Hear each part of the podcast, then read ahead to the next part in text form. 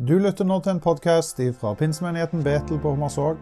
Vår bønn er at denne talen skal skape og bygge tro i deg. God fornøyelse.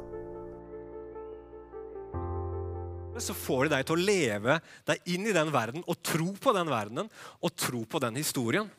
Og Da kan du og jeg begynne å tenke annerledes og få andre verdier. De kan lage en, en virkelighet hvor det å ta hevn faktisk gir fred. De kan skape en virkelighet der hvor seksuelle relasjoner ikke betyr noen ting, ikke knytter to mennesker sammen i det hele tatt. Eh, de kan lage en, eh, en verden hvor bare det å følge hjertet sitt, det er løsningen på alle dine problemer. Ja, De kan skape en verden hvor Gud ikke fins, og det er helt fint.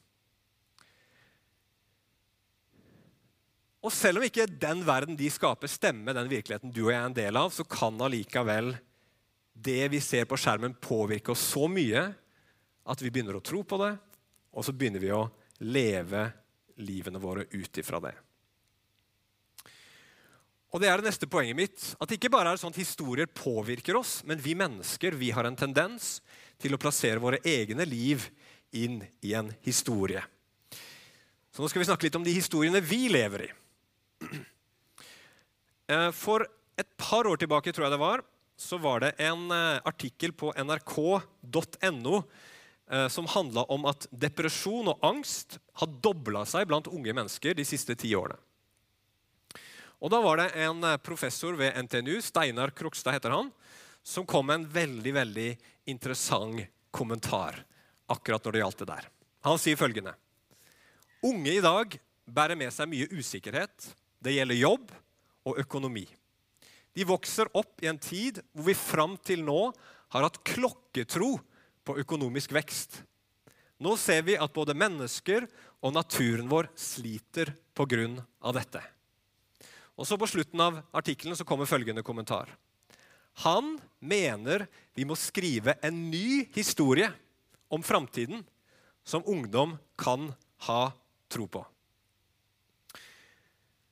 Denne fyren her, han er glup, for han er jo professor, og alt mulig sånn, men han er også glup fordi han forstår. Og Han ser at vi mennesker vi lever i en historie. Vi trenger en historie å tro på for at livene våre skal bli meningsfylte. Og Han så også det at veldig mange mennesker i dag tror på en historie som vi kaller for materialisme, og at den historien akkurat nå er under press pga. miljøproblemene som det har ført med seg, også fordi at eh, den økonomiske veksten den har avtatt, og det er mye usikkerhet rundt framtiden. Så Vi mennesker tror på historier. og Det fins i grunn to typer historier vi mennesker tror på. Vi kan kalle dem for makrohistorier. Makro betyr stort. Og mikrohistorier. Mikro betyr lite. En makrohistorie det er en sånn type historie som sier noe om hvor du kommer fra, og hvor du er på vei. Vi skal ikke snakke om sånne historier i dag.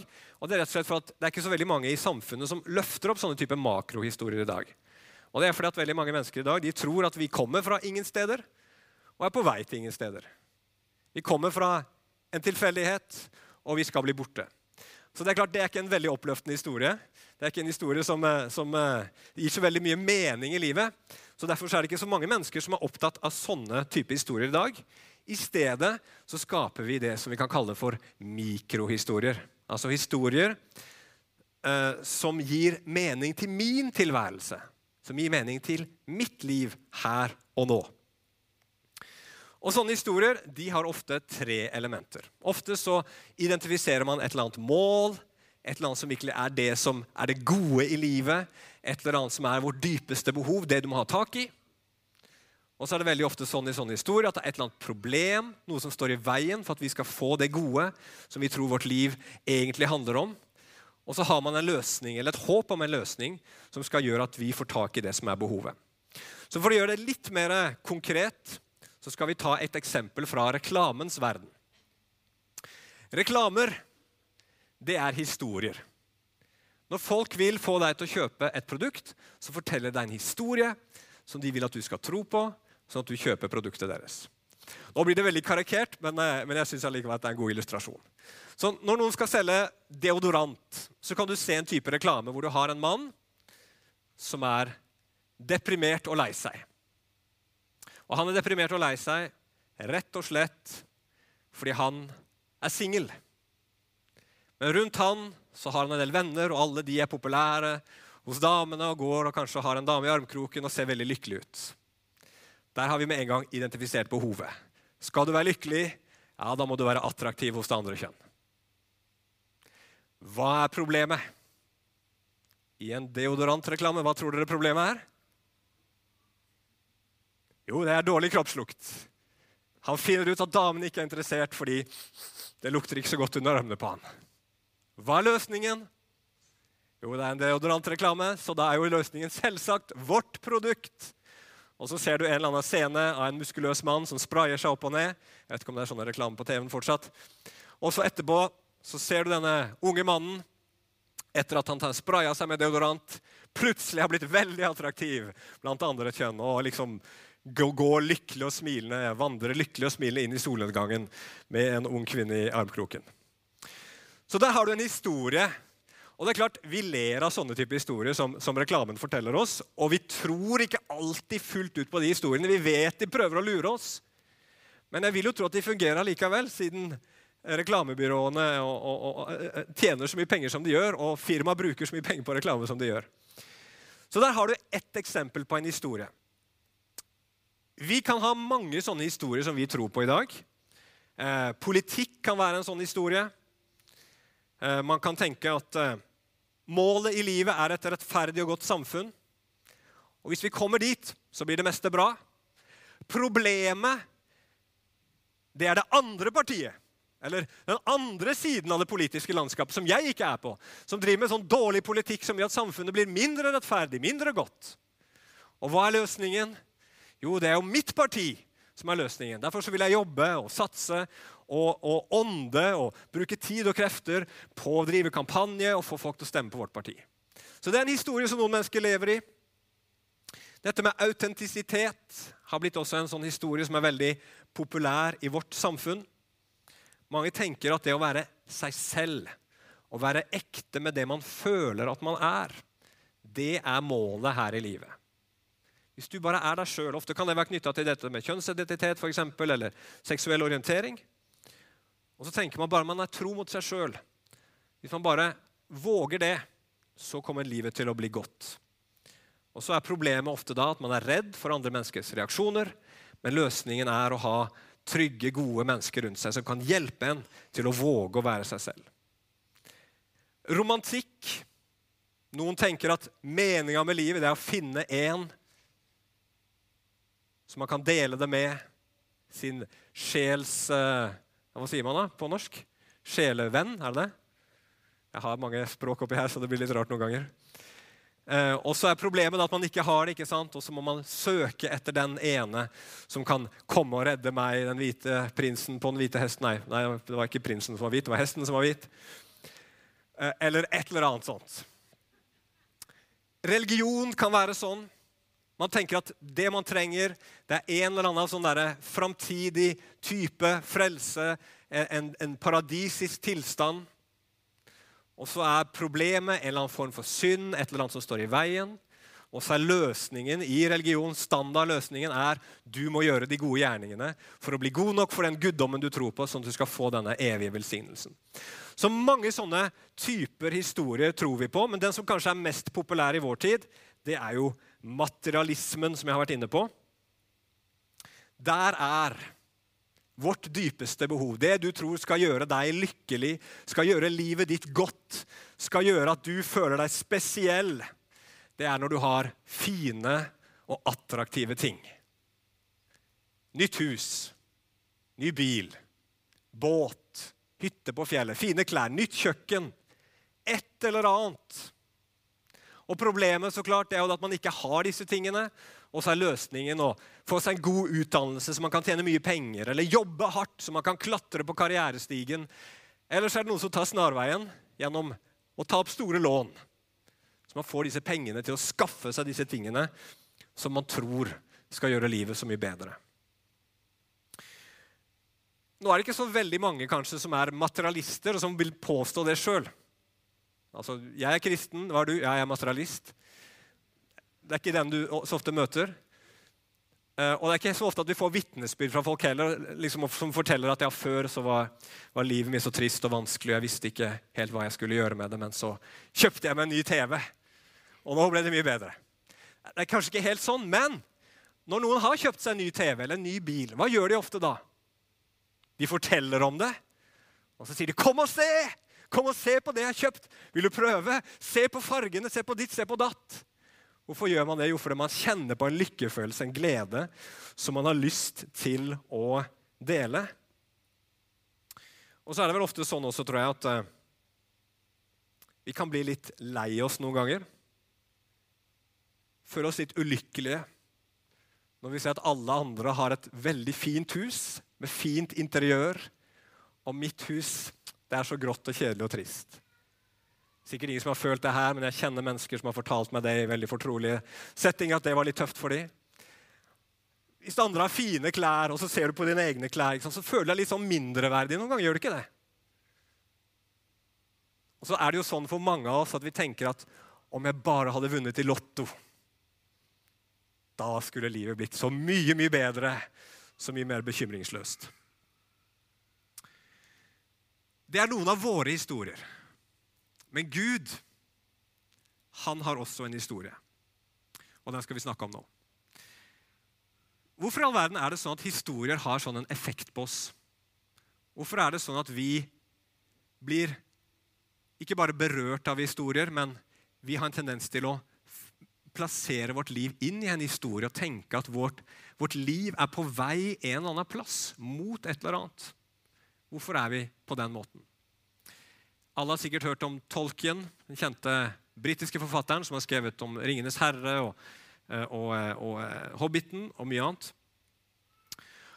Han mente det at historier appellerer så veldig til oss, og spesielt eventyr og den type fortellinger, fordi at vi mennesker vi lengter etter noe overnaturlig. Vi lengter etter en seier over døden, og vi lengter etter en lykkelig slutt. Og Han mente det at i alle historier vi forteller, så fins det et glimt av den sanne historien, av den som Gud har laga. Den har et gjenskinn i alle typer historier som vi hører og som vi forteller til hverandre, og som vi tror på. Og det jeg tror, er at denne tendensen vi mennesker har til å, eh, til å eh, elske historier, til å bli berørt av historier, til å plassere våre historier plasserer våre liv inn i historier, de er lagt der av Gud. Gud har lagt en sånn kobling mellom oss mennesker og historier fordi han vil at vi skal leve i hans historie. Og hva er Guds historie, da? Jo, Gud har en makrohistorie. Skapelse. Vi kommer fra Gud. Vi er skapt av Han for Han. Men vi har vendt ryggen fra Gud, vi er falne. Verden er ikke sånn som den er ment å skulle være. Men Gud sendte sin sønn Jesus for å gjenopprette alle ting, gi oss fred med Gud og en evighet sammen med Han. Det er den store makrohistorien som handler om hvor vi kommer fra, og hvor vi er på vei. Men i Bibelen så finner du også en sånn mikrohistorie om ditt liv her og nå. Hvordan du her og nå kan finne dyp mening, kan finne lykke, kan finne fred kan finne det som du innerst inne og dypest sett lengter etter. Og hva er Bibelens historie der? Jo, Den finner vi i Romerbrevet kapittel 3, vers 23 og 24. Der står det følgende. For alle har syndet og mangler Guds herlighet, men ufortjent og av Hans nåde blir de kjent rettferdige, frikjøpt i Kristus Jesus. Nå skal vi bruke det samme mønsteret som vi brukte på de andre historiene, og, og, og bruke dem på de versene vi nettopp leste. Hva er det Paulus sier her er vårt dypeste behov? Hva er det vi mangler, ifølge Romerne 3,23? Jo, det er Guds herlighet. Det er Guds skjønnhet, det er Guds godhet, det er Guds rikdom i sin person. Det er det du og jeg ble skapt for. Vi ble skapt for fellesskap med Gud. Og som Sankt Augustin sa for mange år siden, hvis noen har hørt om han, han sa hjertet er rastløst til det finner sin hvile i Gud. Det du og jeg trenger mer enn noe annet, vår dypeste behov, det er å finne tilbake til fellesskap med Gud. Erfare hans kjærlighet, erfare han som din glede, erfare han som din trygghet. Hva er problemet da ifølge Bibelen? Hva er problemet i ditt og mitt liv? Jo, der sier Bibelen synd. Ikke bare fordi at synd er dumme og gale ting vi gjør mot hverandre, som gjør at dette livet her blir verre for oss alle sammen, men fordi synd er det som skiller deg og meg fra Gud. Det er det som skiller oss fra å få det fellesskapet med Gud som vi dypest sett trenger. Og hva er løsningen ifølge Bibelen? Jo, løsningen er at Gud ble menneske i Jesus Kristus, og at han levde det livet som du og jeg ikke klarte å leve. Han døde på korset for våre synder og tok på seg straffen for alt det gale vi har gjort, for å ta det bort. Og Jesus, han vant over døden. Han ga sitt liv for oss og sto opp igjen, sånn at dødens makt skulle bli brutt. Sånn at vi aldri mer kunne bli skilt ifra Gud. Synden som sto mellom oss og Gud, døden som sto mellom oss og Gud, har blitt tatt bort i Jesus Kristus. Og ved å tro på Han så kan du og jeg få kjenne Gud og få fred med Han. Og finne det sanne livet her og nå. Derfor er det kristne rundt omkring i verden som ikke har så mye som vi har her i Vesten, men som er mye mer lykkelige enn rike nordmenn. For de har funnet en annen skatt, en skatt som er utrolig mye mer dyp og reell. Og vet dere hva? Denne historien her, det er en solid historie. Det er en solid historie fordi den er sann. Den er sann og bevist sann gjennom at Jesus sto opp fra de døde. Eh, Jesu oppstandelse fra de døde er et sterkt og solid historisk faktum. Hvis du vil vite mer om det, så vil jeg varmt anbefale Tor Håvik sin dokumentar på YouTube, hvor han forklarer hvor pålitelig det er at Jesus faktisk sto opp fra de døde.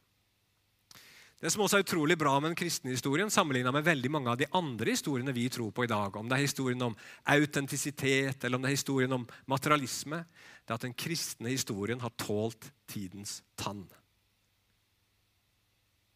Mennesker har trodd på Gud i alle slags mulige samfunn opp gjennom historien. De har, de har blitt stående gjennom hungersnød, gjennom krig, gjennom all slags mulige utfordringer gjennom naturkatastrofer, eh, i, i eh, voldelige samfunn, i humanistiske samfunn, i undertrykkende samfunn, i alle slags mulige samfunn, har mennesker blitt stående takket være sin tro på den historien som Bibelen snakker om. Så den har stått sin test. Den kan du trygt satse livet ditt på. Men så sier Bibelen, som vi leste helt innledningsvis, at denne historien her som Gud vil gi til alle mennesker, at alle mennesker skal plassere sitt liv inn i, det er en historie som det er mulig å glemme. Gud sa til israelsfolket når dere kommer inn i dette landet som flyter med melk og honning, så pass på så dere ikke glemmer meg, glemmer min historie. Og hvis du leser litt i Bibelen, så ser du at Noe av det første israelsfolket gjør når de kommer inn i dette landet som flyter av melk og honning, det er å Klarer dere å gjette det? Det er å glemme Herren sin Gud, står det. Men hvis du leser litt nøye i Dommernes bok, hvor det står spesifikt om dette, her, så ser du at de har ikke glemt Gud med hodene sine. De kan Guds navn fortsatt. De kjenner til historien om hva Gud har gjort for dem. Så problemet er ikke med hodekunnskapen, men problemet er med hjertene deres. De kjente til Guds historie, men det var ikke så veldig interessant for dem lenger. Hodene deres visste, dere, visste det, men hjertene deres var en annen plass. Hjertene deres var opptatt av ting i denne verden. Hjertene deres var opptatt av suksess, rikdom, å få dette livet til, å få det komfortabelt og få det bra. Er det ikke sånn for mange kristne i dag også? At jo da, vi tror på alt dette. Vi vet det er sant. Men så er det så lett at vi husker det med hodene våre og glemmer det med hjertene våre. Og så er hjertene våre på en helt annen plass. Når vi glemmer Gud med hjertene våre, så begynner vi å jage etter de andre historiene. og Satse på dem, håpe på dem, tro at vi skal finne det vi trenger i dem. Og hva trenger vi da? Jo, det vi trenger da, det er å gjenoppdage Guds historie. Gjenoppdage, se på nytt igjen hva Gud vil med våre liv, hva Gud har gjort for oss, hvem Gud er. Gjør vi ikke det, så er det så lett å begynne å tro på de andre historiene. Men dere, de andre historiene som mange mennesker tror på i dag, De kommer enten til å skuffe deg, for de kommer aldri til å kunne fylle ditt hjertes lengsel. Våre hjerter er uendelig bunnløse og kan bare fylles av Han som selv er uendelig. Så uansett hva du putter inn i det, så blir det tomt. Det blir ikke fullt. Bare se på de som er de rikeste og mektigste i verden. Er det de lykkeligste i verden? Enhver eh, Hollywood-stjerne har sin egen psykolog. Er det fordi de er så lykkelige? Nei. Det er fordi at de har kommet til toppen, og så var det ingenting der. Og nå vet de ikke helt hvordan de skal klare livene sine videre.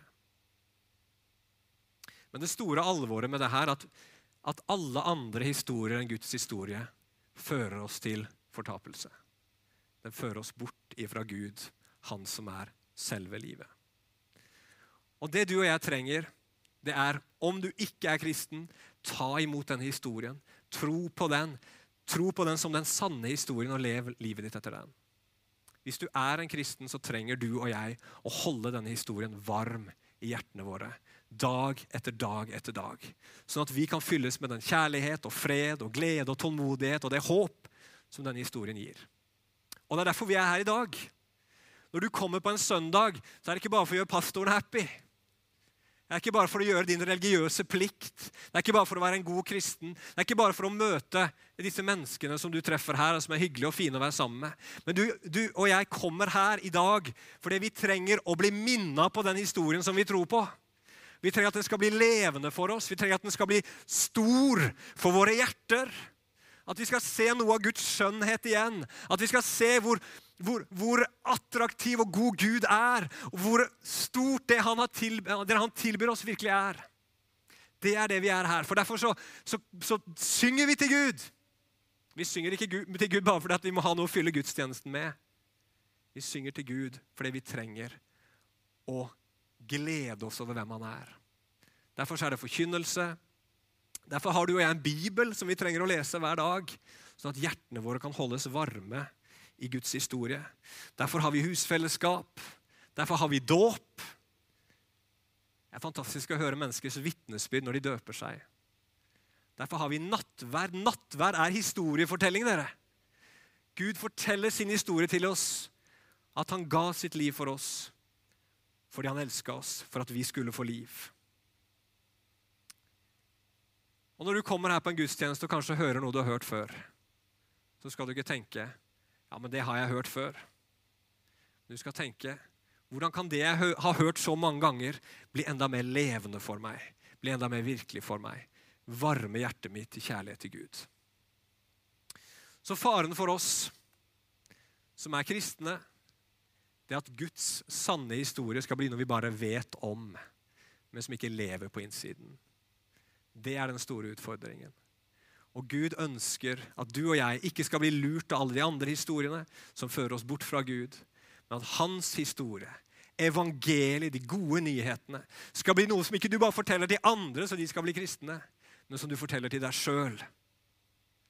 At du skal leve i Guds historie hver eneste dag og være en disippel av Jesus som lever sammen med Gud, både med hodet og hjertet. Amen.